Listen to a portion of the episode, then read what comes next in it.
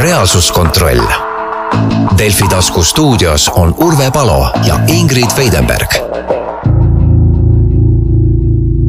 tere päevast kõigile, kes kuulavad Reaalsuskontrolli podcasti. stuudios on Urve Palo ja Ingrid Veidenberg. Urve, väljas on viis kraadi sooja, igal pool on jõulukuused, jõuluehted, jõulukaunistused väljas. imelik on olla. nii soe ja juba jõulud. tere, Ingrid! tere, head kuulajad! Nii soe juba jõulud. no tore, et on jõulud ja tore, et on soe elektriarved ja küttearved on kõik äh, sümpaatsemad. minule jõulud väga meeldivad, minu pärast võivad nad alustada, algata juba oktoobri lõpust, nii et mina tervitan jõulusid. kas sa oled juba kodus jõulukaunistustega pihta hakanud? Veel ei ole, aga täna hommikul, muideks just hommikul putru pannes endale ja pojale, äh, võtsin välja jõulukausid, mul on selline jõuluserviis, mida ma aastas korra siis kasutan, umbes niimoodi poolteist kuud, et äh, mul ka. ja, ja vot täna hommik tundsin, et nüüd ma võtan välja, et, et esimene puder läks juba nendesse, meeleolu hakkab tekkima. mina olen ka meeletu jõulufänn, minu meelest võiksid jõulud kesta terve aasta. Aga sel sügisel on mul tõrge, et mul ei ole isegi äh, jõulupärga veel ukse peal, välisukse peal, selli-, tavaliselt sellisel ajal on mul see alati seal juba olnud. ja ma ei ole ühtegi jõulukaunistust välja toonud, ühtegi jõululinikut, ühtegi jõuluküünalt, sest nii soe on, et kui sa ka saad käia õhukese kevadmantliga ja ilma mütsita, siis tundub, et jõulud on veel nii kaugel, et aega on selle kiire asjaga. Soe on tõesti ja alles äh, saab veel lehti riisuda vähemalt meie aias käib see töö veel ja ja, ja, ja tõesti, hommikul rääkisin emale, et, et no huvitav ilm on, minul on emal ja, ja tütrel mõlemal on sünnipäev oktoobri lõpus ja ma mäletan äh, korduvalt seda, kuidas on kas lumetorm, ei saa maalt inimesed tulla külla, sest et lund tuiskab või noh, maa on igal juhul külmunud ja valge, et oktoobri lõpust ma räägin. ja täna me oleme novembri juba keskpaigas ja, ja riisume, riisume lehti, et jah, üllatav ta on, nii et, et, aga, aga vaatamata sellele, esimene advent on äh, nüüd siis pooleteist nädala pärast, seekord varakult, novembri viimane nädalavahetus ja no ma usun, Ingrid, et küll sa selle jõulupärja juba siis välja paned, mina küll panen ukse peale. no ma loodan ka, et selle aja peale mul on juba mingi, mingil kujul jõulutunne tekkinud. aga me soovime ikkagi sooja talve meile kõigile, et me oma energiahindadega ennast üle ei pingutaks.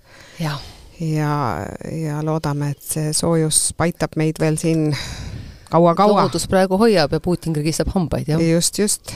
aga meil on täna hästi palju teemasid, et mina kõigepealt teeksin ettepaneku rääkida sellest, et äh, miks meil koolis õpetajaid ei ole.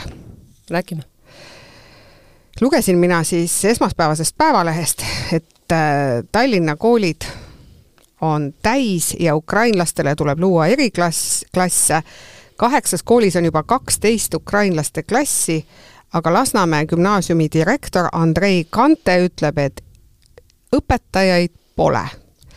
ja inimressursi puudumine on kõige suurem hetkel koolis ja rahaga seda pro-, probleemi ei lahenda. õpetajate puudus üle Eesti koolides on olnud aastaid probleem. eriti ei leita matemaatika- ja füüsikaõpetajaid inglise keele õpetajaid ja mida aasta edasi, seda suuremaks see probleem läheb. minule tundub, et see põlvkond, kes praegu on viiskümmend, kuuskümmend, kui see põlvkond lõpetab neid fänne, õpetajaid, kes tõesti südamega teevad ja kellele meeldib koolis töötada, siis pärast seda tuleb ainult veeuputus, ehk siis noori õpetajaks õppimas ei ole ja meie õpetaja puudus aina süveneb mis sina arvad, Urve, miks meie noored ei taha hakata õpetajaks? kui siin Lasnamäe gümnaasiumi direktor ütleb, et rahaga seda probleemi ei lahenda, et ükskõik kui palju maksad, õpetajaid ikka ei tule koolidesse et mis meist nõndaviisi saab? jah, väga raske küsimus, ega ühest vastust äh, ei oskagi anda. üks on prestiiži teema muidugi, et kas see elukutse on hinnas, et, et ma arvan, et mingi hetk, kui äh, siin äh, üheksakümmend ja pluss edasi me alustasime noore riigina jälle turumajandusega, siis juba läksime siin liiga ühte äärmusesse, et me hakkasime ka õpetajaid võtma kui teenindajaid, mida nad ju ei ole. et noh, mõni võib nii öelda, et sa teenindad minu last ja saad riigilt tasu ja ja, ja teeninda siis hästi. aga jah, niimoodi me, nagu me näeme, kaugele ei purjeta ja ja ma arvan, et see on üks osa, see prestiiži teema, õpetaja elukutse oli varasemalt palju rohkem hinnas. Ja töö on raske, ma hiljuti käisin kaasas klassiekskursioonil oma poja, pojaga ja üheksa-aastased lapsed siis, noh, klass on suur, klassis on äh, erineva vanu, erineva äh, emakeelega lapsi, ma olen vist varem ka maininud, et, et üks kolmandik või isegi rohkem on vene emakeelega. Ähm,, ja, ja õpetaja peab siis äh, kõige selle keskel seal äh, hakkama saama, seal on ka käitumis, äh, ütleme siis ähm, erivajadusega on, on paar last. Ja, ja katsu sa siis seda õpetada, neid, kes tahavad edasi jõuda ja keegi jalutab sul mööda klassi ringi ja ja sa võid sada korda öelda, et istu maha, aga ta ei istu ja, ja samas no., samas õpetajatel on väga pikk puhkus, peaaegu terve suvi on neil vaba, lisaks koolivaheajad mis nagu tavainimesel ei ole kunagi koolivaheaega ja ei ole kunagi nii mm -hmm. pikka puhkust, et mm -hmm. tegelikult on selles töös ka palju eeliseid. ja ikkagi soe klassituba ja tubane töö ja päevad ei ole nii pikad, kui ei oleks seda kontrolltööde parandamist ja vihikute parandamist, siis tegelikult äh, koolipäev lõpeb normaalsel ajal. Noh, tundide ettevalmistamine kindlasti käib ka, veel raske küll, kõrvalt jah. hinnata, palju see aega võtab, vanemal õpetajal eeldatavasti vähem kui nooremal, noh, sul on ikkagi mingi staaž ja oskus ja tuleb niimoodi ette valmistatud seda juba küll, küll.. et äh, et jah, muidugi me võime niimoodi arutada, iga elukutse on omad raskused ja, ja eripärad, et, et ükskõik, mis elukutse ette võtame, leiame plusse ja miinuseid, et miks siis ei tule sellesse valdkonda noori või kui tuleb, ei jää, noh, ma arvan, et, et äh, ikkagi tõenäoliselt on see prestiiži küsimus ja, ja ka siiski palga küsimus veel. jah, öeldakse, et et ükskõik mis palgaga, et noh, vot kui sa paned üleöö palga kõrgeks, siis äh, sul ei teki üleöö neid tahtjaid. sest õpetajaks sa pead ka õppima, sul peab olema sellist valmisolekut, et noh, näiteks mingi aeg räägiti, et meil ei ole üldse insenere et äh, inseneriks ei õpita ja, ja otsi või tikutulega taga ja, ja see noh, esiteks ka inseneriks saades igaüks ei, ei ole võimelinegi saama. ta sama on ju õpetajaga, ehk siis kõik ei saagi, ükskõik mis sa palga paned.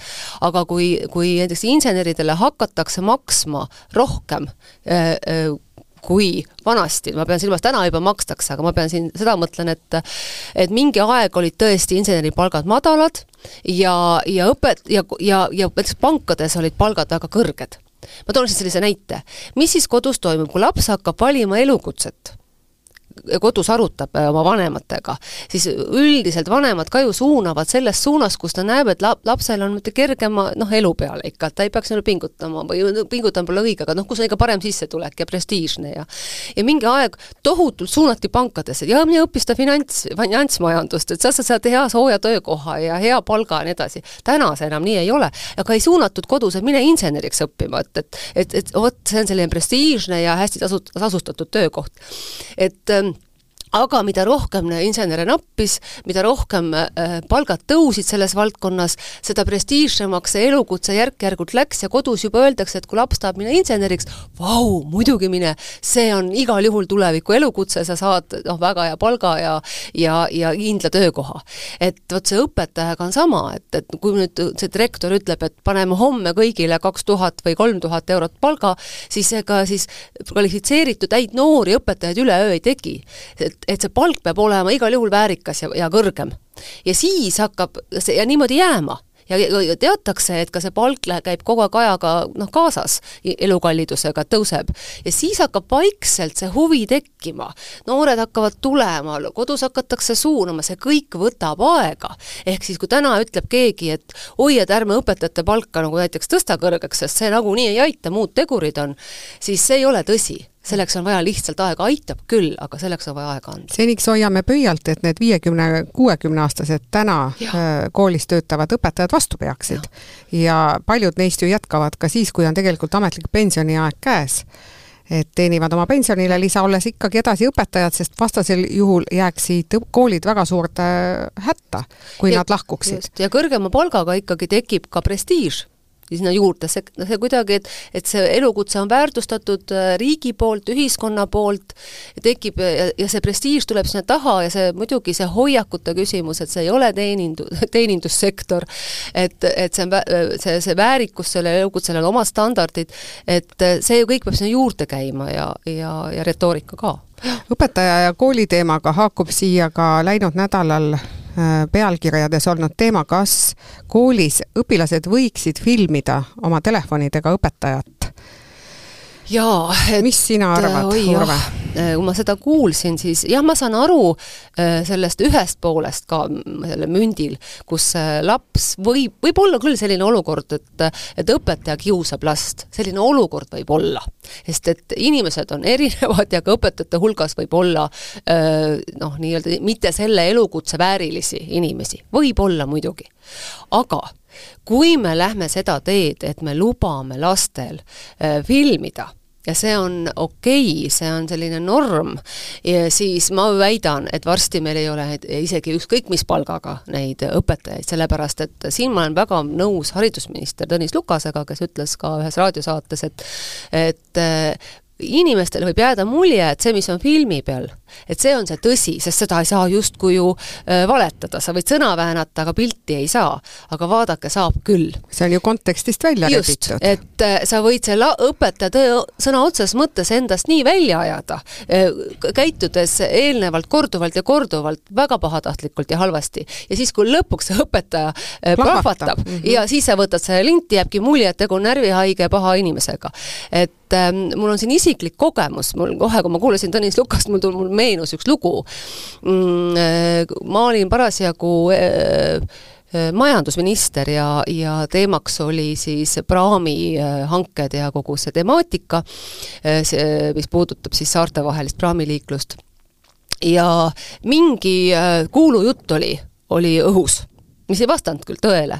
ja ERR-ist tuli ajakirjanik äh, minuga intervjuud võtma ja küsis siis äh, kuulujutule äh, toetudes ühte sama küsimust uuesti ja uuesti, mina andsin ühesuguse vastuse kogu aeg, no mis oli tõsi, aga talle see vastus ei meeldinud. tema oli tulnud midagi muud otsima, sõna otsa, seda oli näha.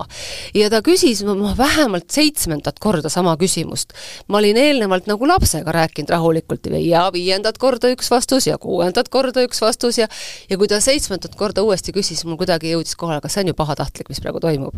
ja ütlesin talle ärritunul, ärritusin ja ütlesin, et kuulge, te küsite sama küsimust seitsmendat korda, minu vastus on samasugune ja vot siis selle ärrituse pealt ütlesin ärritunult selle vastuse seitsmendat korda. ja mis siis juhtus? see läks eetrisse. jaa, siis ta naeratas, kuulas ära, äh, naeratas, ütles aitäh, pani ruttu mikrofoni ära ja pani uksest välja, nagu ma ei tea, kas ta head aegagi ütles, sest ta sai, mis ta tahtis, sai närvilise palu ja õhtul oli see, just see viimane vastus oli eetris ja ma mäletan, et tol ajal äh, erakonna esimees äh, Sven Mikser saatis mulle sõnumi, et oh, väga halb, väga halb, et, et noh, et nagu jääb halb mulje selline, et mis seal nagu ükskord midagi varjata või selline närviline vastus no midagi teha ei saa. aga Ehk poliitik siis... ei tohi lasta ennast jaa, provotseerida. ei tohi, ma sain väga hea kogemuse sealt, et samal ajal ma vaatasin äh, Äh, vaatasin nüüd, eelmine nädal oli selline saade nagu Esimene stuudio, kus oli äh, äh, Mirko Ojakivi ühelt poolt ERR-is ja teiselt poolt oli Jüri Ratas, selline pooletunnine saade on see minu teada mm. -hmm. ja, ja ma vaatasin, et ahaa, selline intervjuu on tulemas, mõtlesin, vaatan, et mida seal siis räägitakse, et noh, mind näiteks huvitas, et Jüri Ratas, mida ta ütleb Keskerakonna madala reitingu kohta ja, ja Riigikogu esimehena võib-olla ühte-teist veel enne, enne noh, mis praegu toimub, toimub enne valimisi ja nii edasi, mind huvitas. ja, ja mida ma nägin? ma nägin see, äh, täpselt sama lugu, mis minuga juhtus aastaid tagasi, aga Jüri Ratas oli palju tublim. et äh, Mirko Ojakivi küsis viieteist minuti jooksul ainult ühte teemat erineva nurga alt uuesti ja uuesti, see puudutas siis seda nupulugu, kus siis, et kas ka Jüri Ratas oleks pidanud välja lülitama eh, saadiku eh, sõnavõttu eh, mm, Riigikogus või ei oleks pidanud. ja Jüri Ratas muudkui vastas rahulikult ja vastas rahulikult ja ja, ja mingi hetk mm, lihtsalt ütles, et teate, me võime veel viim-, saadet on jäänud seal mingi natukene veel on jäänud, et me võime saate lõppu lõpuni sellest rääkida, kui te soovite. aga et vaataja võib-olla soovib ka mingil muul teemal kuulata ja, ja kusjuures see oli väga õigel hetkel, sest mina just mõtlesin, et ma, ma rohkem ei taha, ma vahetan kanalit, et ma, ma ei saanud seda, mis ma tahtsin, et, et käib lihtsalt üks kiusamine.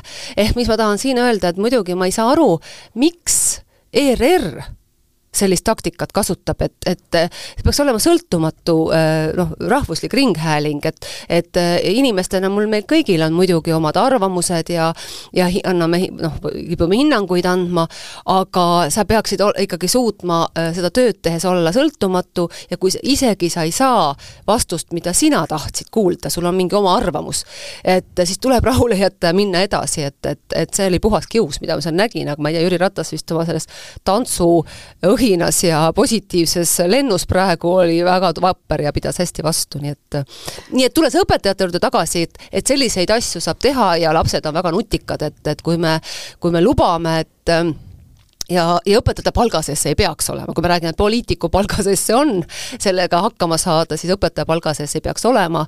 Ja me peame oma õpetajaid kaitsma ja mina olen küll seda meelt, et et et eh, jah, nende üksikute juhtumitega valguses, sest kus õpetaja võib olla pahatahtlik, nagu ma ütlesin, inimesed on, on, on erinevad, eh, me ei saa ometigi eh, kogu sellele õpetajaskonnale noh, teha sellist mm, noh, kuidas seda nimetaksid, no ühesõnaga sellist pommi panna, kus, kus lihtsalt õpetaja ütleb, et teate, ma ei, ma ei viitsi sellega tegeleda ja leian teise elukutse. jah, nii et õpetajaid TikTok'i panna ei tohi ja, ja Facebooki ja Instagrami samuti mitte, et ta, nende elukutset tuleb austada ja hinnata ja ei mingit filmimist koolides. ja, ja et ikkagi no koolis aga, peaks olema mingi akadeemilised traditsioonid ja kord. just, aga ajakirjaniku kaitseks tahan ma öelda seda, et ajakirjanduse üks põhireegel on, kui sa, sind visatakse uksest välja, siis sa lähed aknast, kui aknast ei saa, siis lähed korstnast, aga sa saad oma vastused küsimustele.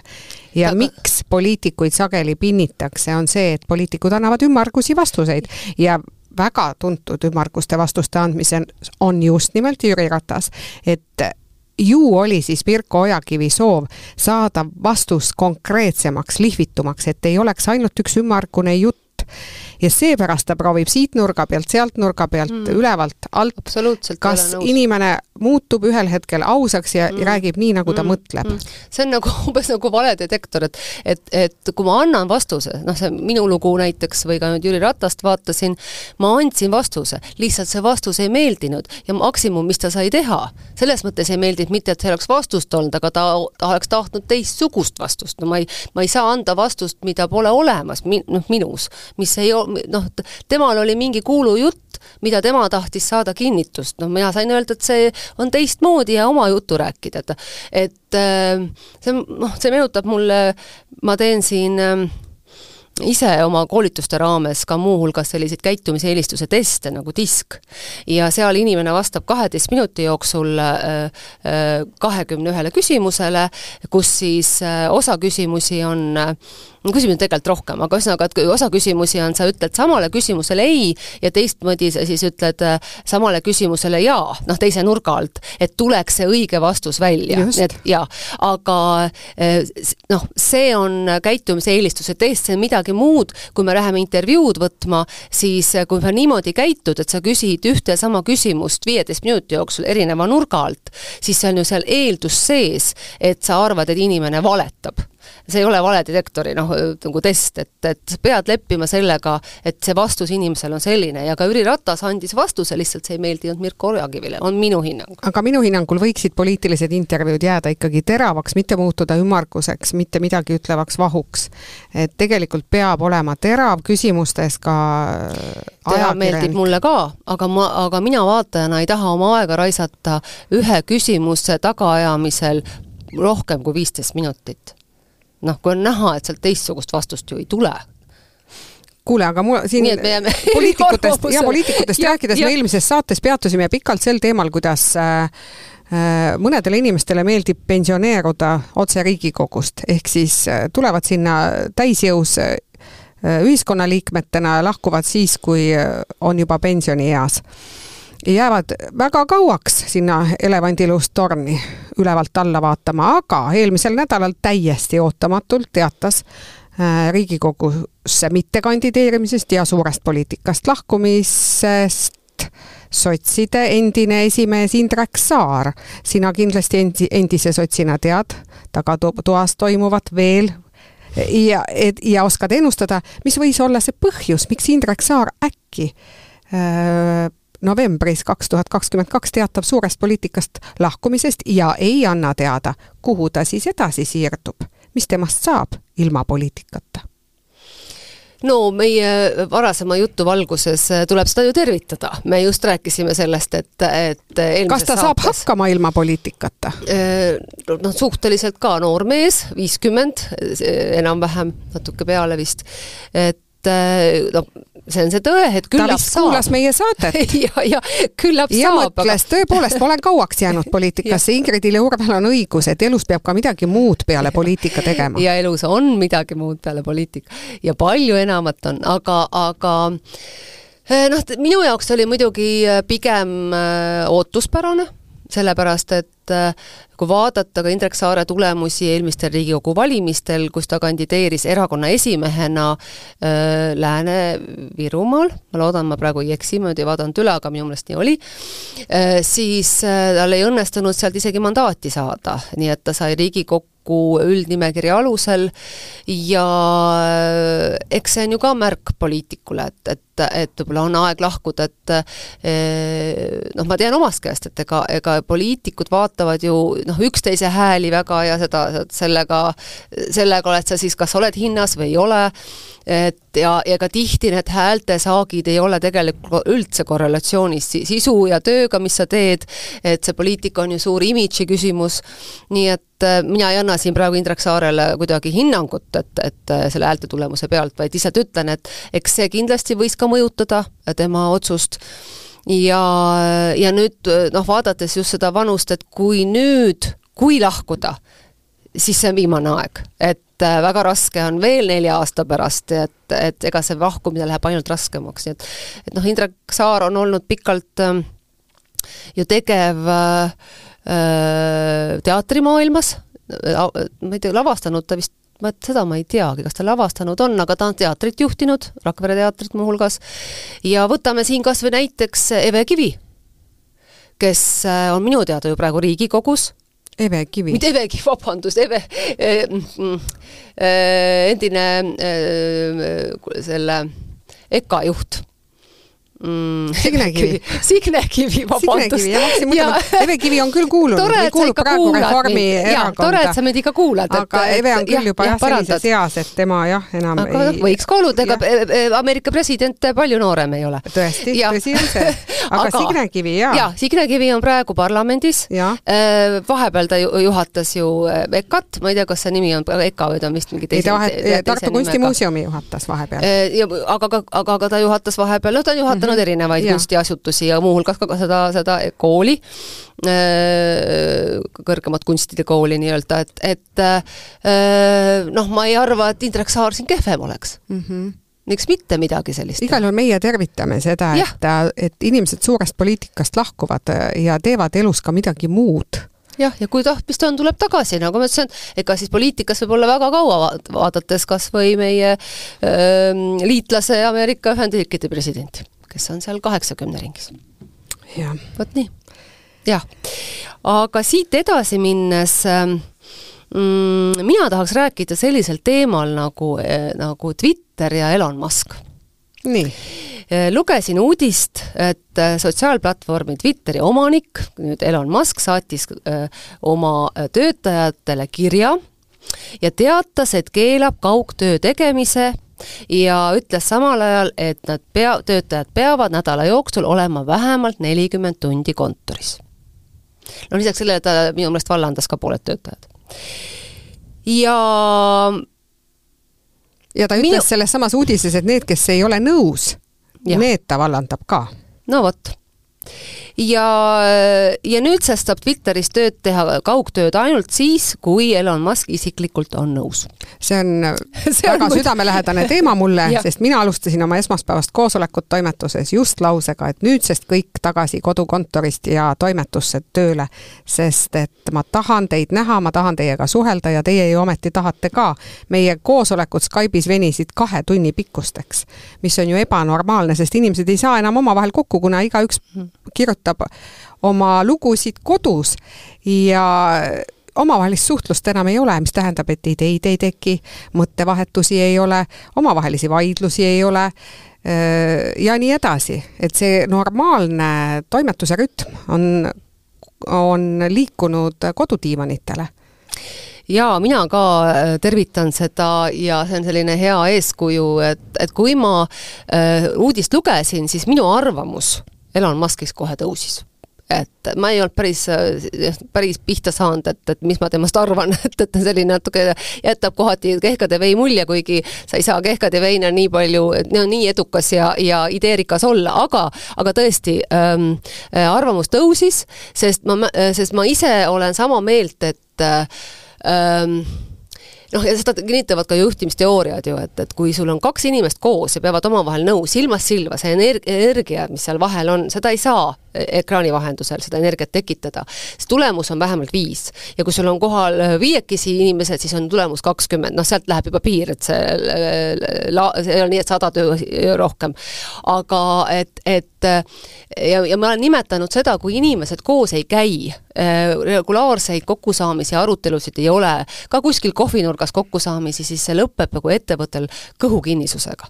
et sa, sa, sa justkui kõik veel toimib, Äh, inimene suudab, ma ei tea, süüa, liikuda, äh, aga, aga mingi hetk, kui ta ikkagi kõht on kinni, siis äh, üks hetk ta enam vastu ei pea ja sealt midagi head ei tule, et, et, et uusi ideid ei sünni, siis varem, varem või hiljem see ettevõtte konkurentsieelises kaotab. ja ja, ja selles valguses äh, ma mäletan, üks kolm aastat tagasi, kui meil siis äh, haiguse, äh, populaarne haigus siin võimust võttis ja kõik hakkasid kodus töötama ja räägiti sellest tohutult palju, et äh, nüüd nii jääb, et ei olegi kontoreid vaja ja, ja paljud ütlesidki büroopinnad üles ja ja et see on uus normaalsus ja ma mäletan, ma oma tuttavatega vaidlesin ja, ja osalesin ka ühe äh, magistritöö nagu noh, sellise, andsin sisu sinna äh, koos teiste ekspertidega ja mina olin üks väheseid, kes ütles, et, et see ei ole normaalsus. ja see muutub äh,, muutub uuesti tagasi, sest et see, see ettevõtte edukuse seisukohalt pikas perspektiivis ei ole äh, edutoov. ja, ja ma olin siis üks väheseid. ja täna me näeme, et, et noh, järk-järgult tõesti äh, inimesed äh,, sellest on hakatud aru saama peale riigisektori sest et äh, meie, ma ei hakka praegu siin neid noh, nimesid nimetama, ei taha minna isiklikuks, aga äh, suured riigiasutused, ministeeriumide allasutused, aga ka ministeeriumides me kuuleme praegu ka ministrid. jah, töötage kodus, me hoiame siin energiat kokku, töötage kodus, see on justkui see uus vabandus, miks võiks kodus töötada. aga paljudel enne seda energiakriisi, nad ei olnud töö, ma tean inimesi ise, tuttavaid, kes on kolm ja, ja, ja aastat kodus istunud, ei ole oma kolleege näinudki. jah, nad teevad oma töö ära, ma ei kahtle selles, aga täpselt ma ei kujuta ette, kui, mida see juht mõtleb selles organisatsioonis, et ta lubab niiviisi, sest jälle sama lugu, see on, tehakse inertsist asju ja midagi uut ei sünni. et mina maksumaksjana küll sellele hea pilguga ei vaata. ja mina ka ei vaata, kui minister annabki teada, et siin kodukontoris paneb Facebooki pildi, et täna on päev kodukontoris ja, ja väike laps jookseb ja. ringi, et tegelikult ähm, min-, mina eeldan, et minister on ikkagi oma kabinetis, teeb tööd juhid, oma meeskonnaga. eriti juhid peavad olema kohal ja, ja, ja sa võid lubada oma tõepoolest kolleegidele, teinekord on laps haige, et tööta kodunt, noh, loomulikult, või või teed mingeid erandeid, et ma ei tea, kuus korra või nädalas korra on üks päev on lubatud kodukontorid erasektoris, jumala eest, andke minna, et, et need on sellised noh, boonused ja, ja nagu võimalused, mida inimestele anda. aga, aga öelda, et me nüüd töötamegi, et see on uus normaalsus, normaalsus. EAS muideks minu teada ka uued äh, ruumid hankis mm, endale, äh, mis oli küll mõistlik tegu, siis ta juba planeeris kolmandiku vähem kohti, et noh, eeldused, et see kodukontori teema jätkub. nii et äh, vot nii no mina küll väga loodan, et mu, et meil õnnestub sealt kodudest inimesed tagasi toimetustesse ja kontoritesse saada, et see energia on ikka hoopis midagi muud. ja, ja see kõhukinnisus ikka ühel päeval lõpeb, aga sina koolitajana, millist nõu sa annaksid mulle ja teistele juhtidele, kes tegelikult ei saa neid inimesi sealt kodust enam kätte, sest see harjumuse jõud on nii suur, inimene on harjunud üksinda vaikuses kodus tööd tegema, ta põhjendab, ta leiab kümneid põhjendusi, miks see on oluline, miks ta ainult nüüd nii saabki töötada ja mitte teistmoodi. Mm ja mul on üks kogemus, ma korra äh, alustan ka sellest äh,, kui ma töötasin riigisektoris ja, ja sain ühe organisatsiooni juhtida, kus oli äh, vanast organisatsioonist alles ainult üks spetsialist, sest teised olid kõik poliitiliselt, lahkusid siis koos ministriga. ja ma mäletan seda, kus eh, noh, see üks spetsialist oli harjunud töötama siis vana eh, meeskonnaga niiviisi, et ei olnudki kindlat tööaega ja ka sellist noh, pingelist eh, tööd ei toimunud, töö tegemist, et noh, midagi kuidagi tehti, aga, aga sellist, et vot ma tõesti pean olema kaheksast viieni kontoris ja ma teen sisulist tööd iga päev, oli teine kultuur, nii. ja mina ütlesin, nii ei lähe, et, et kaheksast viieni on meil tööaeg ja, ja me teeme nii-öelda iga päev, noh, ma olen erasektorist tulnud, et noh, sisulist tööd. ja see inimene, ta ei harjunudki sellega ära sest et tema, tema pähe ei mahtunud oot-oot-oot, ta on samas äh, organisatsioonis töötab, saab sama palju palka, peab järsku tööle hakkama järsku. ja, ja ta, ta noh, lõpuks leppisime rõõmsalt või omavahel kokku, et ta, ta läheb ära, sest et tema ei suutnud uue kultuuriga harjuda ja mina seal järeleandmisi ei teinud, sest kui teed ühele järeleandmisi, pead teistele ka tegema. ja äh, mina ei tea, kuhu ta läks ja võib-olla uues organisatsioonis ta suutis ka siis uutmoodi töötama hakata, sest et see oli nagu justkui uus. aga seda ma ei tea.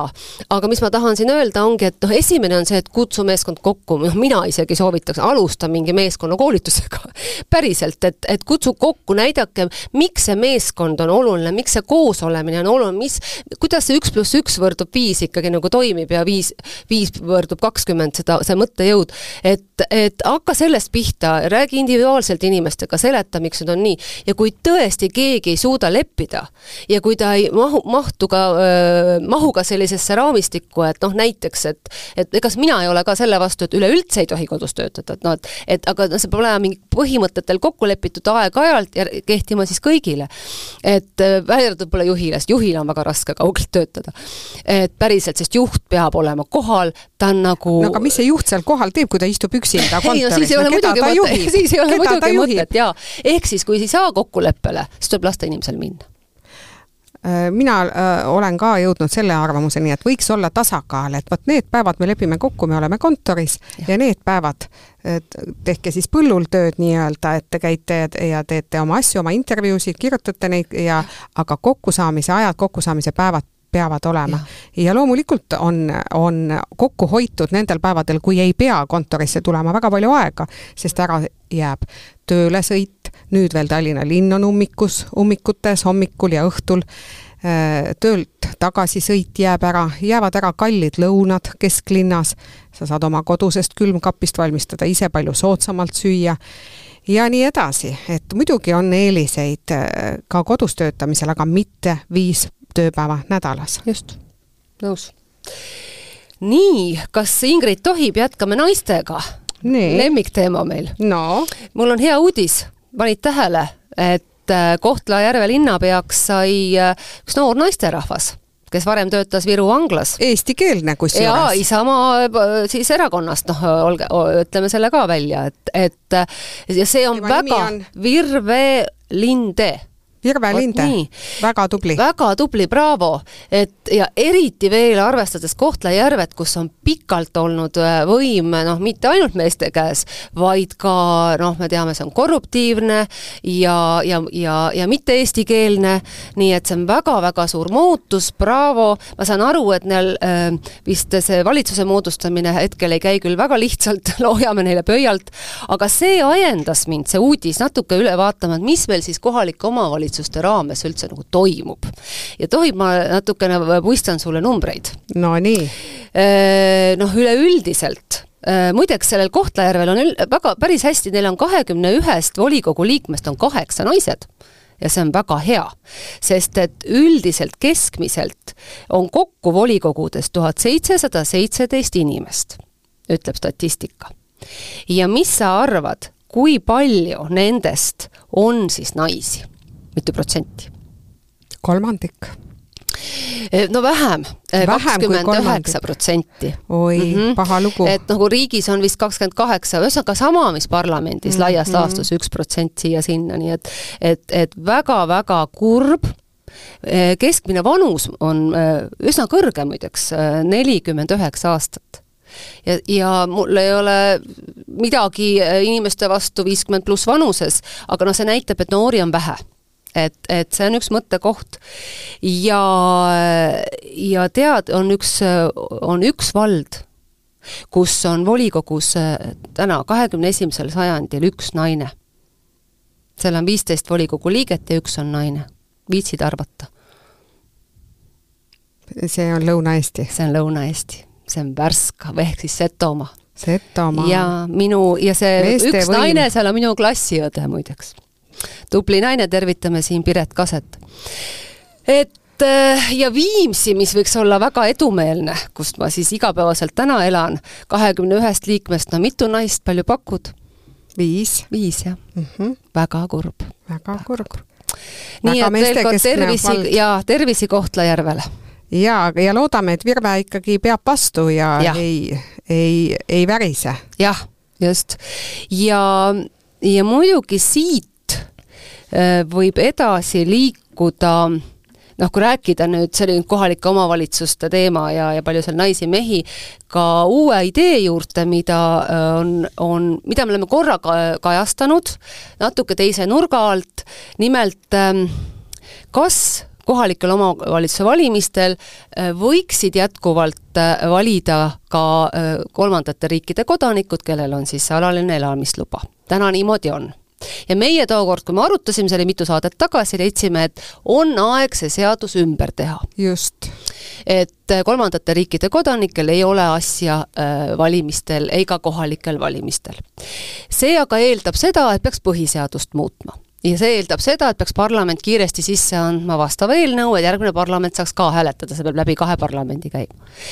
ja nüüd me kuuleme, et Äh, Reformierakond on tulnud välja siis suurepärase ideega, suurepärane jutumärkides.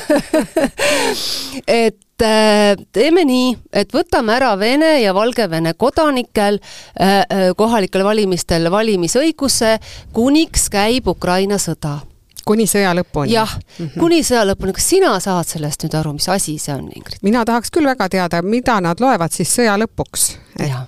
ja kes seda siis ütleb, et nüüd on sõja lõpp ja, ja et ja kas siis need, eh, kes on praegu surma saanud, eh, sada tuhat vist ühelt ja teiselt poolt, eh, kas see el-, ärkavad ellu, olen mina nüüd eriti sarkastiline, et kas see siis teeb selle teo kuidagi nagu paremaks, kui sõda saab läbi, et siis võib jälle valida? et küsimusi on palju, kuni sinnani välja, et kui sõda näiteks lõpeb mingi kokkuleppega, et midagi jääb Vene Föderatsioonile ja, ja, ja, ja noh, erinevad lahendused võivad olla, et kas siis on sõda lõppenud, siis võib jälle valida. et et minu arvates ja üleüldse rahvuse põhjal niimoodi äh, otsustamine mulle isiklikult ei meeldi, et mina leian, et on väga selge, et võivad valida äh, Eesti kodanikud, Euroopa Liidu kodanikud, nii nagu et on, ja, ja noh, meil ka halli passi omanikud, niikaua kui neid on ja nii see meie riigi eripära, aga kolmandate riikide kodanikud, kui soovivad valida, peavad taotlema Eesti riigi kodakondsust, siis saavad seda teha. nii et äh, see, minu silmis on see väga ja väga valimiste maiguline populism, populism, mis, sest et kohalike valimisteni on tegelikult ju aega kolm aastat. ja mida siis praeguse eelnõuga see lahendaks? mitte midagi, lihtsalt saaks pahtu klappida ja näidata, kui, kui sinimustvalge me oleme, aga probleemi see ei lahenda. aga siit meil on kohe hea minna punamonumentide juurde. et meil on nüüd väga teema meedias see, et kas ja kui palju eemaldada linnapildis olevat ja meie arhitektuuris olevaid punasümboleid, kõikvõimalikke viisnurki, eh, sirpi ja vasarat eh, ja neid on meil siin stalinistlikel majadel küljes päris palju mis on sinu arvamus, Urve, kas me peaksime minema nüüd arhitektuuri ja kunsti kallale ja hakkama üle võõpama, maha tirima, lahti kangutama? Või me lepime sellega, et selline aeg meie elus oli. tõepoolest, see Nõukogude aeg meie elus oli ja siis tehti sellist kunsti. me võime vaielda, kas see on kunst või oli see propaganda, aga see, see püsib täna sellisena. Äh, minna nüüd kirkaga kallale ja jätta sinna auk, kus enne oli sirp ja vasar, ma ei tea, ma mõtleksin enne kümme korda, kui läheksin äh, seda lõhkuma. sest tegelikult on see ajalugu ja me peame sellega leppima, nii hull kui see aeg ka ei olnud, see oli. me ei saa seda olematuks teha aga just sellepärast, et see oli nii hull ja ma mõtlen kogu seda, mitte isegi hilisemat aega, kus juba enam repressioone ei olnud, noh selliseid suuri, ma ei tea, küüditamisi, aga see algusaeg oli ikka nii hull. see noh, see, seda ei ole võimalik sõnadesse panna, mida see režiim kaasa tõi. ja see, et, et meil on Estonia näiteks laes Estonia teatrisaali laes on äh, punalipud ja, ja sõdurid ja kes meie inimesi äh, Siberisse saatsid äh,, ja see on kunst, siis äh, tegelikkuses ju, kui seda kõike tehti, need tegijad said väga hästi aru, et see ei ole kunst, see on propaganda. ja kui me seda praegu maha ei võta, siis me ei võta seda mitte kunagi. see aeg on praegu seda diskussiooni pidada ja otsused teha. ja noh, ma läheks veel sammu edasi, ütlen, et kui keegi ütleb, et Estonia laes olev punalippud on kunst, siis ma küsin, aga miks siis ei ole kunst, kui lava peale läheb väga tuntud näitleja, väga siis niimoodi noh, esineb hästi ja, ja peab, loeb maha mingeid ülistusi Brežnevist, Stalinist, Leninist, Leninist ja nii edasi. et kas see on ka mm, -hmm. kas see on, siis on see ka ju kunst, et ähm, et selle tõttu ma isegi üllatan ennast praegu siin natukene, et minu sallivus äh, kogu selle puna äh, teema vastu on aegadega läinud väiksemaks, mitte suuremaks. Ja sellega ma olen väga nõus, et neid kõikvõimalikke mälestusmärke, kuhu siis on maetud või ei ole maetud äh, langenuid, neid eemaldatakse ja maetakse äh, jäänused sinna, kus on nende koht ehk siis surnuaedadesse mm. -hmm. aga, aga minna nagu majadelt eemaldama, see tundub nii ebaloogiline, et sest me ei mõtle selle peale iga päev, ma olen nõus, Ingrid, et, et ei pane tähelegi, sest me oleme seda näinud noh, noh, mõnikümmend aastat, ei hakka vanuseid rääkima, ikka tükk aega oleme näinud seda ja me oleme, noh, see on nagu normaalsus. aga võõras pilk näeb, kui ta esimest korda linna tuleb ja meie lapsed mingi hetk vaatavad võib-olla teise pilguga seda, kui meie oleme harjunud. jah, oli selline et, aeg, saab lastele öelda, oli selline aga aeg. miks me laseme äh,, miks me laseme sel, veel kord, et kui see oleks kuidagigi kunst, aga kui see on propaganda, kõik, mis on propagandana käsitletav, mina võtaks maha, sellepärast et, et et need kunstnikud jut, jutumärkides, kes seda tegid, nad teadsid, mida nad teevad ja see ei olnud kunst, see oli propaganda. miks me hoiame seda propagandat üleval, on minu küsimus ja tõesti, ma olen, ise ka üllatan ennast, et ma nii sallimatuks olen sel teemal muutunud. ma jään selle koha peal hetkel neutraalseks, aga väga huviga jälgin, millega asi lõpeb, kas tõesti Äh, võetaksegi vastu otsused ja, ja kuidas need asjad saavad olema, see on väga huvitav. aga Ingrid, siit me võiks kaks, me oleme mitu saadet tahtnud rääkida ka tegelikult äh, Pätsi monumendist, et, et kogu, ei ole sattunud äh, õiget hetke ja kogu aeg on muud teemasid olnud, siis korraks ma astuks siit sammu veel edasi ja räägime üldse monumentidest, et tõesti, meile pandi siin mõni aeg tagasi Pätsi monument äh, äh, keset Tallinna linna püsti ja, ja noh, Äh, mulle hästi meeldib, äh, äh, või minu jaoks selline kõnetav oli, kui kunstiteadlane Karl Taag Lige ütles, et ma tsiteerin, et kodanikuna sooviksin isakeste jutumärkides ja tähtsündmuste pühitsemise asemel näha avalikus ruumis rohkem senisest enam tänapäevast kultuuri, linnaruumi elavdavaid, mitte memorialiseerivaid kunstiteoseid. ja tõesti, mina ütlen ka kodanikuna, et, et et ähm, kunsti linnapildis ma tahaks näha hoopis rohkem, mitte vähem, jaa, et, et iseenesest võiks ju igat kunstiteot, teost, mis pannakse, äh, tervitada. aga paraku sellised suuremad, äh, mis on pandud, on meil see Vabadussõja rist, mida ei saa, vabandust, väga kunstiteosena käsitleda.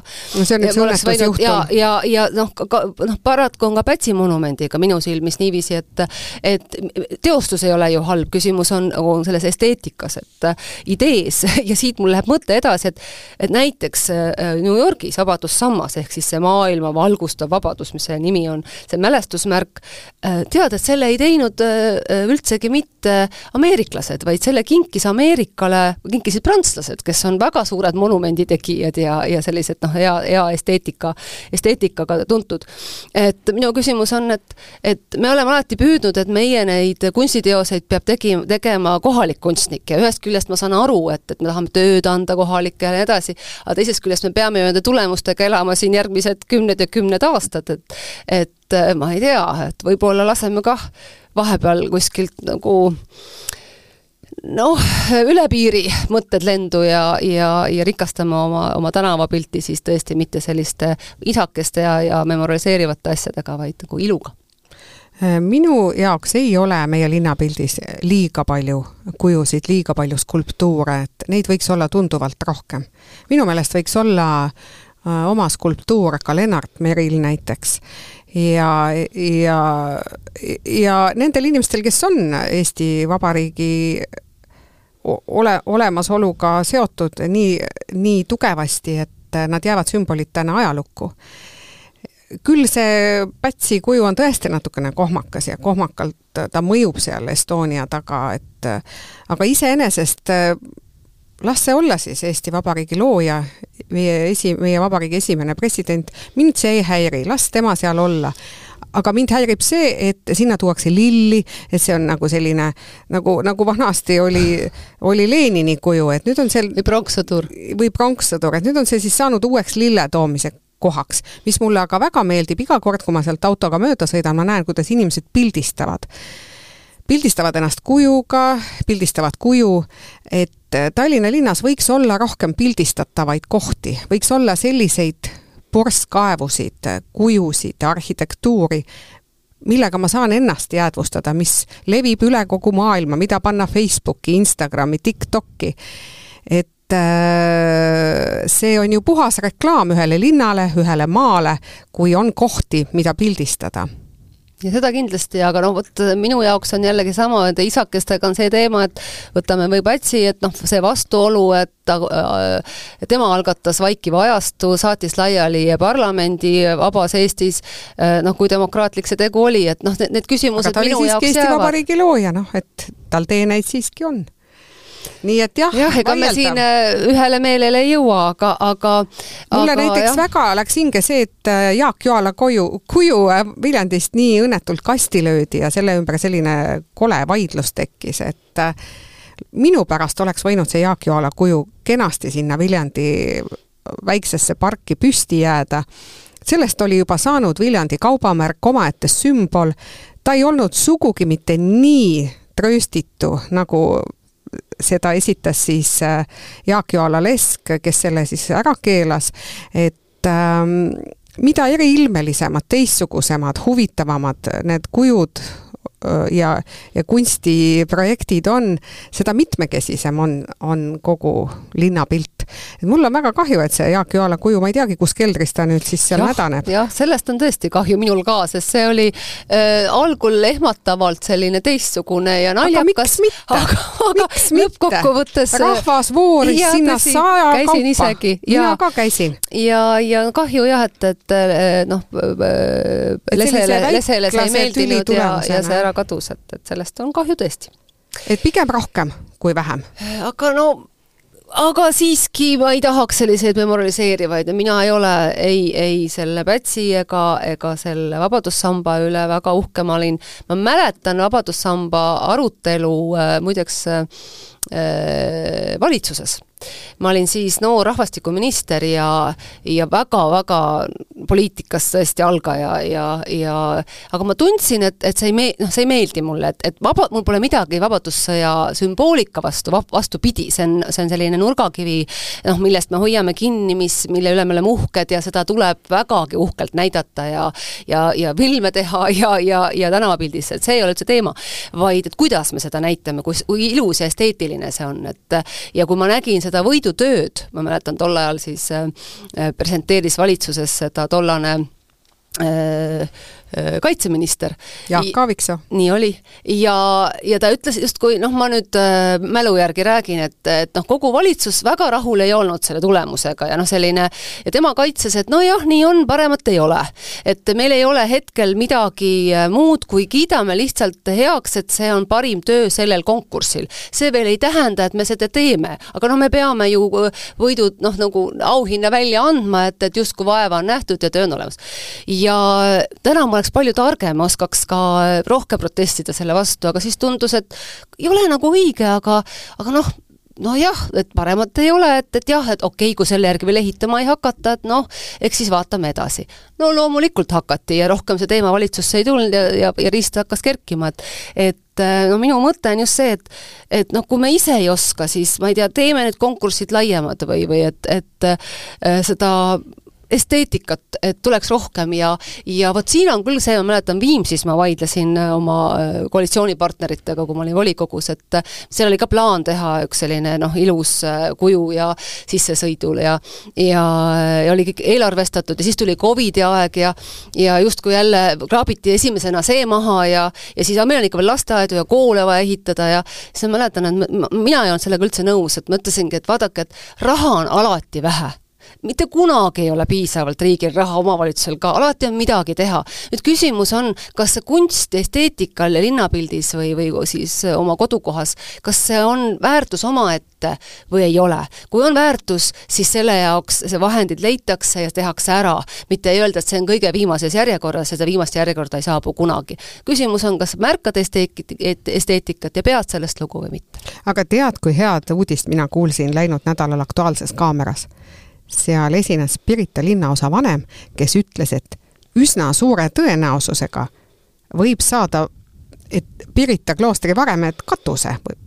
nii et äh, see on väga hea uudis, sest mina, kes ma olen käinud igal aastal Birgitta festivalil, olen alati mõelnud, miks peab see vaene kontserdikorraldaja igal aastal ehitama uuesti ja uuesti seda ajutist katust, siis selle jälle maha võtma, kui palju võib see kulutada neid ajaloolisi müüre, see pidev sehkendamine nende müüride kallal, katust üles panna ja katust jälle Tõesti, maha võtta. nagu kilplaste värk. nagu ja. kilplaste värk ja, ja ka muinsuskaitse ja soojad tervitused taas kord mu meie muinsuskaitsele on seda väga pikalt äh, tagasi hoidnud, luba mitte andnud ja väga suure naudinguga kuulasin ma ka teistsugust uudist, kus siis äh, teavitas Tartu Ülikooli nõukogu, et nemad kiidavad vägagi heaks Tartu Toomkiriku varemetesse restorani ehituse. See kõik on väga positiivne, me liigume positiivse trendi suunas, kui nüüd muidugi muinsuskaitse äh, muinsuskaitseamet jälle kõike kihva ei keera ja neid ehitisi jälle aastakümneteks seisma ja lagunema ei pane, et mida rohkem on elu mälestistes, seda kauem ja kaunimana nad püsivad ja me saame kõik nende üle rõõmu tunda ja mina väga loodan, et need Pirita kloostri varemed saavad Birgitta festivaliks ikkagi ühe korraliku püsiva katuse ja see kilplaste jama lõpeb ühel päeval ära. ja ma väga loodan külastada ühel päeval ka Tartu toomkiriku varemetes äh, imekaunist klaasseintega restorani ja tunda ja tunnen uhkust ülikoolilinna üle, äh, mis väga vääriks sellist kaunist ja kena restorani, eriti kultuuripealinnana ja selle peale saab öelda enda aamen et väga nõus. aga muideks kultuuriga, äh, kui jätkata või mis sa tahaksid võtta praegu? on sul mingi äh... mul on tegelikult üks väga kole teema, mis on Oi, kultuurist jah. väga kaugel ja see on uudis, mis õõvastas mis õõvastas tegelikult äh, kogu Eestit, et äh, meie hulgas liiguvad tapjakoerad ja Põltsamaal oli siis juhtum, kus äh, kaks koera puresid naise poolsurnuks. küljest rebiti tal kõrv ja tal oli nelikümmend hammustust kehal. Need olid siis Tiibeti mastiff ja segavereline hundikoer, kes tulid naabrimaale ja ründasid äh, kõrval elavat siis naabrinaist, kes oli teel sauna. Need pildid olid õõvastavad, see juhtum ise on ikka noh, uskumatumast uskumatum ja alles hiljuti, mõned kuud tagasi lugesime ju, kuidas perekoer pures surnuks nelja-aastase lapse. mis me peaksime tegema sellise, selliste koertega ja kas oleks mõistlik keelustada Eestis teatavad tapja koerte tõud? sest et lugeda igal nädalal uudistest, kuidas koerad on jälle kedagi surnuks purenud, ei ole tore jah, õõvastav tõesti, ise ma olen ju ka äh, koeraomanik, veel mitme koeraomanik, aga mul on sellised sõbralikud tõud, et äh, mina ei tea, äh, kas on olemas, kuidas seda äh, määratleda, et vot milline on nüüd tapjakoera tõug. et, et kui see oleks võimalik määratleda, siis kahe igasugune agressiivsus peab olema ikkagi välistatud inimeste hulgas elaval koeral. Et äh, iga koeraomanik ütleb, minu koer ei hammusta, minu koer ei ründa, aga ühel päeval on su koer maha murdnud inimese mm. või lapse surnuks purenud. et ähm, või siis minu ettepanek oleks, kes ma ise Nõmme elanikuna käin tihti jalutamas kitsastel metsateedel, pargiteedel, kohtan äh, suurte, noh ikka no väga suurte koertega vastu tulevaid inimesi, kelle koertel ei, nad on küll rihma otsas, aga neil ei ole suukorve. ja kui sa ikkagi väga lähedalt äh, mööda lähed suurest koerast, siis on ainult üks amps ja ta on mul käe küljes mul on alati tahtmine öelda neile, et kuulge, teil on nii suur koer, vaadake tema lõugu, vaadake tema hambaid. kas te ei ole mõelnud, et äkki paneks jalutades äh, koera suu ümber suukorvi, siin jalutavad lapsed ja on väiksed lapsed, et sa ei tea mitte kunagi, kuidas koer mõtleb. sa ei saa mitte kunagi looma usaldada, sest loom on loom. Ja loom ei ole kunagi süüdi, süüdi on alati looma omanik. nii on jah, muidugi äh kui koera jalutamine tuleks kõne alla linnas ainult äh, suukorviga, siis tõenäoliselt noh, koeri ei saagi lemmikloomadena pidada, sellepärast et äh, see nagu lastekaitse on olemas, siis võiks öelda, et see on nagu loomakaitse teema, et kui koer ei saa nuuskida ja jalutamise käigus ta ei saa ennast noh, välja elada, noh, ma ei pea silmas siin hammustamist, on ju, et äh, siis see on koera piinamine tegelikult, et kui sa eladki linnas, sul on, ma ei tea, korteris või majas on koer ja sa käid temaga jalutamas, jalutamas ja tal on alati, peab suukorv olema, siis jah, siis ei olegi mõeldav koera pidamine, et, et et ma ei tea ka, mis siin hea lahendus on, selge on see, et omaniku vastutus on, et koer ei jookse ringi. Ma ei tea, mis juhtus seal, et need mastifsid olid lahti ja ja mina kuulen esimest korda, et mastifs on nii äh, kuri tõug et mina olen no,. Nende koerte peremees oli ka kuri. no vot see on pigem jah, et vot kuidas seda koera kasvatas, Mastiff üldiselt on selline hästi, mulle on jäänud mulje, mul isiklikult küll ei ole, aga nii palju kui ma olen näinud, selline sõbralik, astutanud koridoris ma astutast üle, et selline noh, mida noh, selline tõsine mõmmik. et tõsi, on ka kurju, kurja koera nagu tõugusid ekstra tõesti ja, ja on ka neid, kes niimoodi kasvatavad, et, et nagu valvekoerteks ja et et äh, aga siis nad on kasvatatud selleks ja see omaniku vastutus, et nad ei tohi jah, kodunt välja pääseda. keeruline, keeruline teema. ja, ja, ja, ja äh, koeraomanikud võiksid ikkagi siinkohal mõelda, et mis tõugu nad võtavad, kui nad elavad inimeste, inimestega ja nad ei ela üksi paksus metsas, kus mitte mm ühtegi naabrit ei ole kilomeetrite kaugusel. ja kui vaba voli nad annavad oma loomadele, et äh, põhjendusega, et minu koer ei hammusta mm jaa, et äh, aga nüüd lähme kultuuri peale. kultuur on tantsusaade, sest okay. et meie aeg hakkab otsa saama täna. no teeme mõne minuti rohkem. ma tahan rääkida ühte elamust, mis ma sain laupäeval. mina käisin ka teatris, mina käisin vaatamas Pärnu Endlas äh, vast etendunud äh, Norman vallutajat, kus peaosas siis Jan Uuspõld ja mis esimese vaatuse lõpuks tundus äh, täiesti debiilse jandina, aga teise vaatuse lõpuks äh, omandas isegi sügava sisu. nii et koduteel sai mõtiskleda Norman, vallutaja ja seal osalenud teiste osatäitjate ähm, mõttemaailma üle mm.. mida sina siis vahepeal vaatamas käisid? no minu kiirelt, kiirelt üks väga positiivne kogemus, ma käisin Linnateatris vaatamas Enigma variatsioonid, kus mängis Egon Nutter ja sellist Nobeli preemia saanud kirjanikku ja Andrus Vaarik ajakirjanikku, kahekesi. ja ma pean ütlema, et, et sellist äh, elamust, teatrielamust ma ei olnud ammu saanud, et seal oli kõik paigas, seal oli alates äh, tekstist, lavastusest ja näitlejatööst rääkimata, et kui õnnestub kellelgi sinna pileteid mina saada. ahaa, super, äh, äh, minu, minule kingiti, nii et suvel juubeliks ja nüüd siis sügisel käisin. no no selline elamus, et tõesti, mida rääkida pärast, mida mõelda, mis kosutab hinge, no väga sügav, aga ja, ja selline noh, era- ja erakordne mäng. aga pikemalt tahtsin rääkida või paar sõna rohkem, laupäeval ma käisin Rakvere teatris.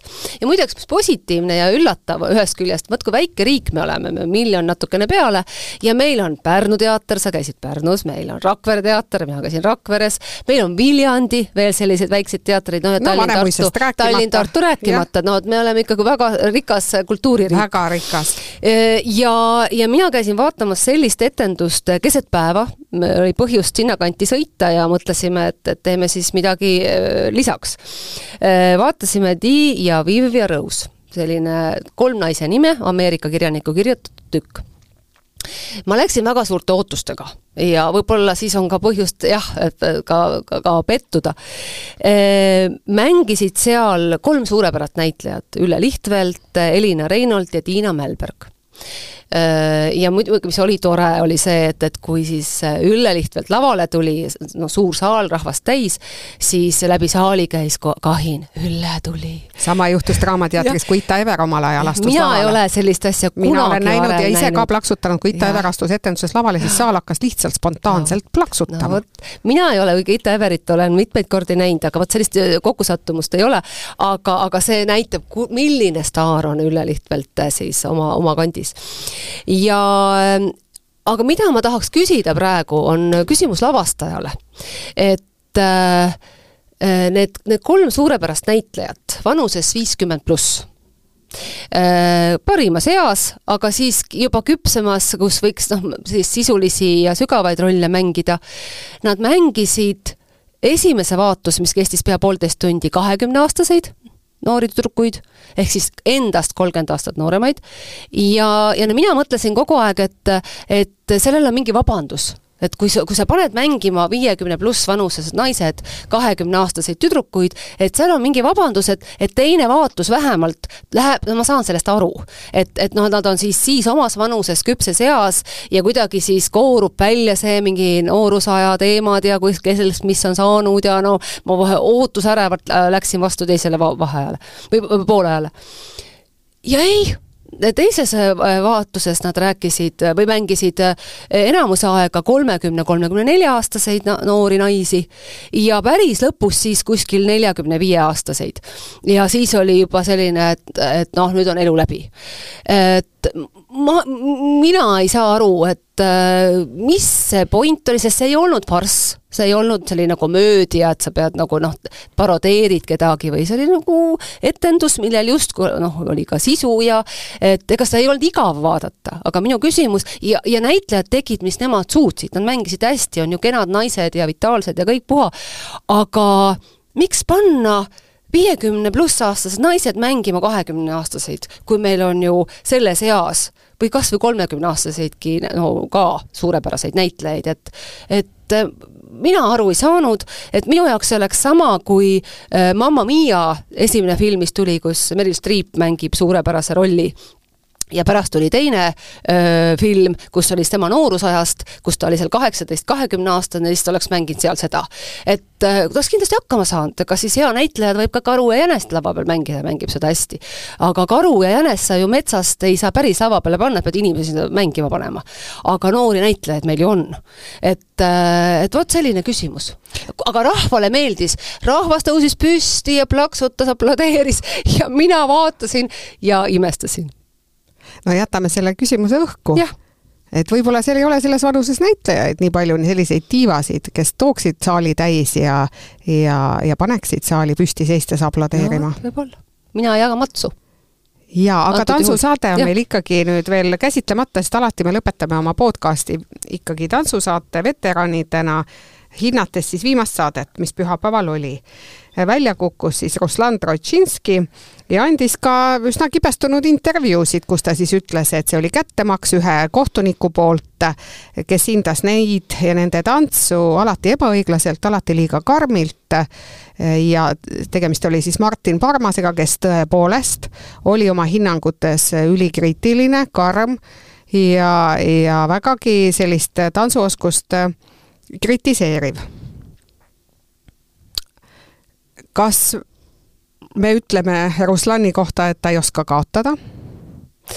jah äh, ma peaks küll ütlema, et, et kaotada peab oskama, eriti kui sa lähed sellisesse saatesse või, või noh, kus kogu aeg keegi kaotab. et see on ju saate põhimõte, et keegi peab esimesena lahkuma, keegi teisena ja nii edasi, üks hetk on sinu kord. ja see on ju heategevussaade, see ei ole mõisa peale. ja kohtunikuga ei vaielda ütleksin mina. ja, ta ja... lubas Martin Parmase duellile kutsuda, nii nagu vanasti ja oleks ta hea meelega, nagu Õhtuleht kajastas, ka ära tapnud. noh, küllap seal oli ka draamat ja, ja sellist show'd sees, aga, aga jah, kaotada peab oskama, see on suur oskus ja võib-olla siis nagu öeldakse, et Karjatši Sonskija parni, keda meil väga ei ole, aga Karjatši Ukrainskija parni, et ju siis see selline kuum veri lõi välja ja, ja, ja selle sealt need kommentaarid, aga aga noh, siit soovitus, et, et kui mm -hmm. see on ju mäng, see on ju show just, et ärge võtke iseennast ja seda saadet nii tõsiselt. just, tasu võtta ennast nii meie tõsiselt. mõlemad kukkusime välja ja tühja sellest, et äh, Oi, kriitikud olid... olid väga karmid ka minu ajal, et, et ma mäletan äh, Merle Glandorfi kommentaare tänapäevani, mis olid minu suhtes, ma leian, absoluutselt ebaõiglased. aga tühja sellest, et, et äh, mul oli hea meel, et ma selles saates üldse osaleda ja. sain ja see on ikkagi vägev mälestus kogu eluks. mina tundsin sama, ma ta-, mina kukkusin välja neljandas saates ja mina ja, ka. jah, no vot, ja see oli väga õnnelik hetk, sellepärast et eh, noh, see pingutus on seal suur ja, ja, ja ma tundsin, kuidas see kogu see, mul oli ka väike laps ja töö ja kõige see ühe, ühitamine järjest rohkem lõivu nõudis ja ja ma olin väga õnnelik, kui ma välja kukkusin, sest mina olin oma panuse andnud. Eh, nagunii, kui üks hetk tuleb kukkuda ja see oli minu jaoks väga õige aeg, et, et ja nii, nii see ongi, et see on kõigest mäng just, ja soovime edu siis ikkagi Jüri Ratasele, kes sai ainsana kõikidelt kohtunikelt kümme punkti ja kes tegi äärmiselt meeleoluka seksitantsu. jah. No siis ütleme, et nojah, ega muud midagi, et ärme võta elu nii tõsiselt ja ja, ja otsime seda fun'i siis ise. Või kui, kui seda ei leia, tuleb ise teha. Jah, ja hakake siis vaikselt üles otsima oma jõuluehteid, jõulukaunistusi, jõuluküünlaid, jõululinikuid ja jõulupärgi, et siis Äh, esimeseks advendiks, mis pooleteise nädala pärast äh, käes on, oleks kõik juba valmis ja ehitud. nii et ähm, sooja jõuluootust. ja, ja äh, olge hoitud.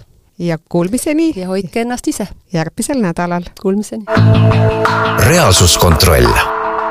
Delfi tasku stuudios on Urve Palo ja Ingrid Veidenberg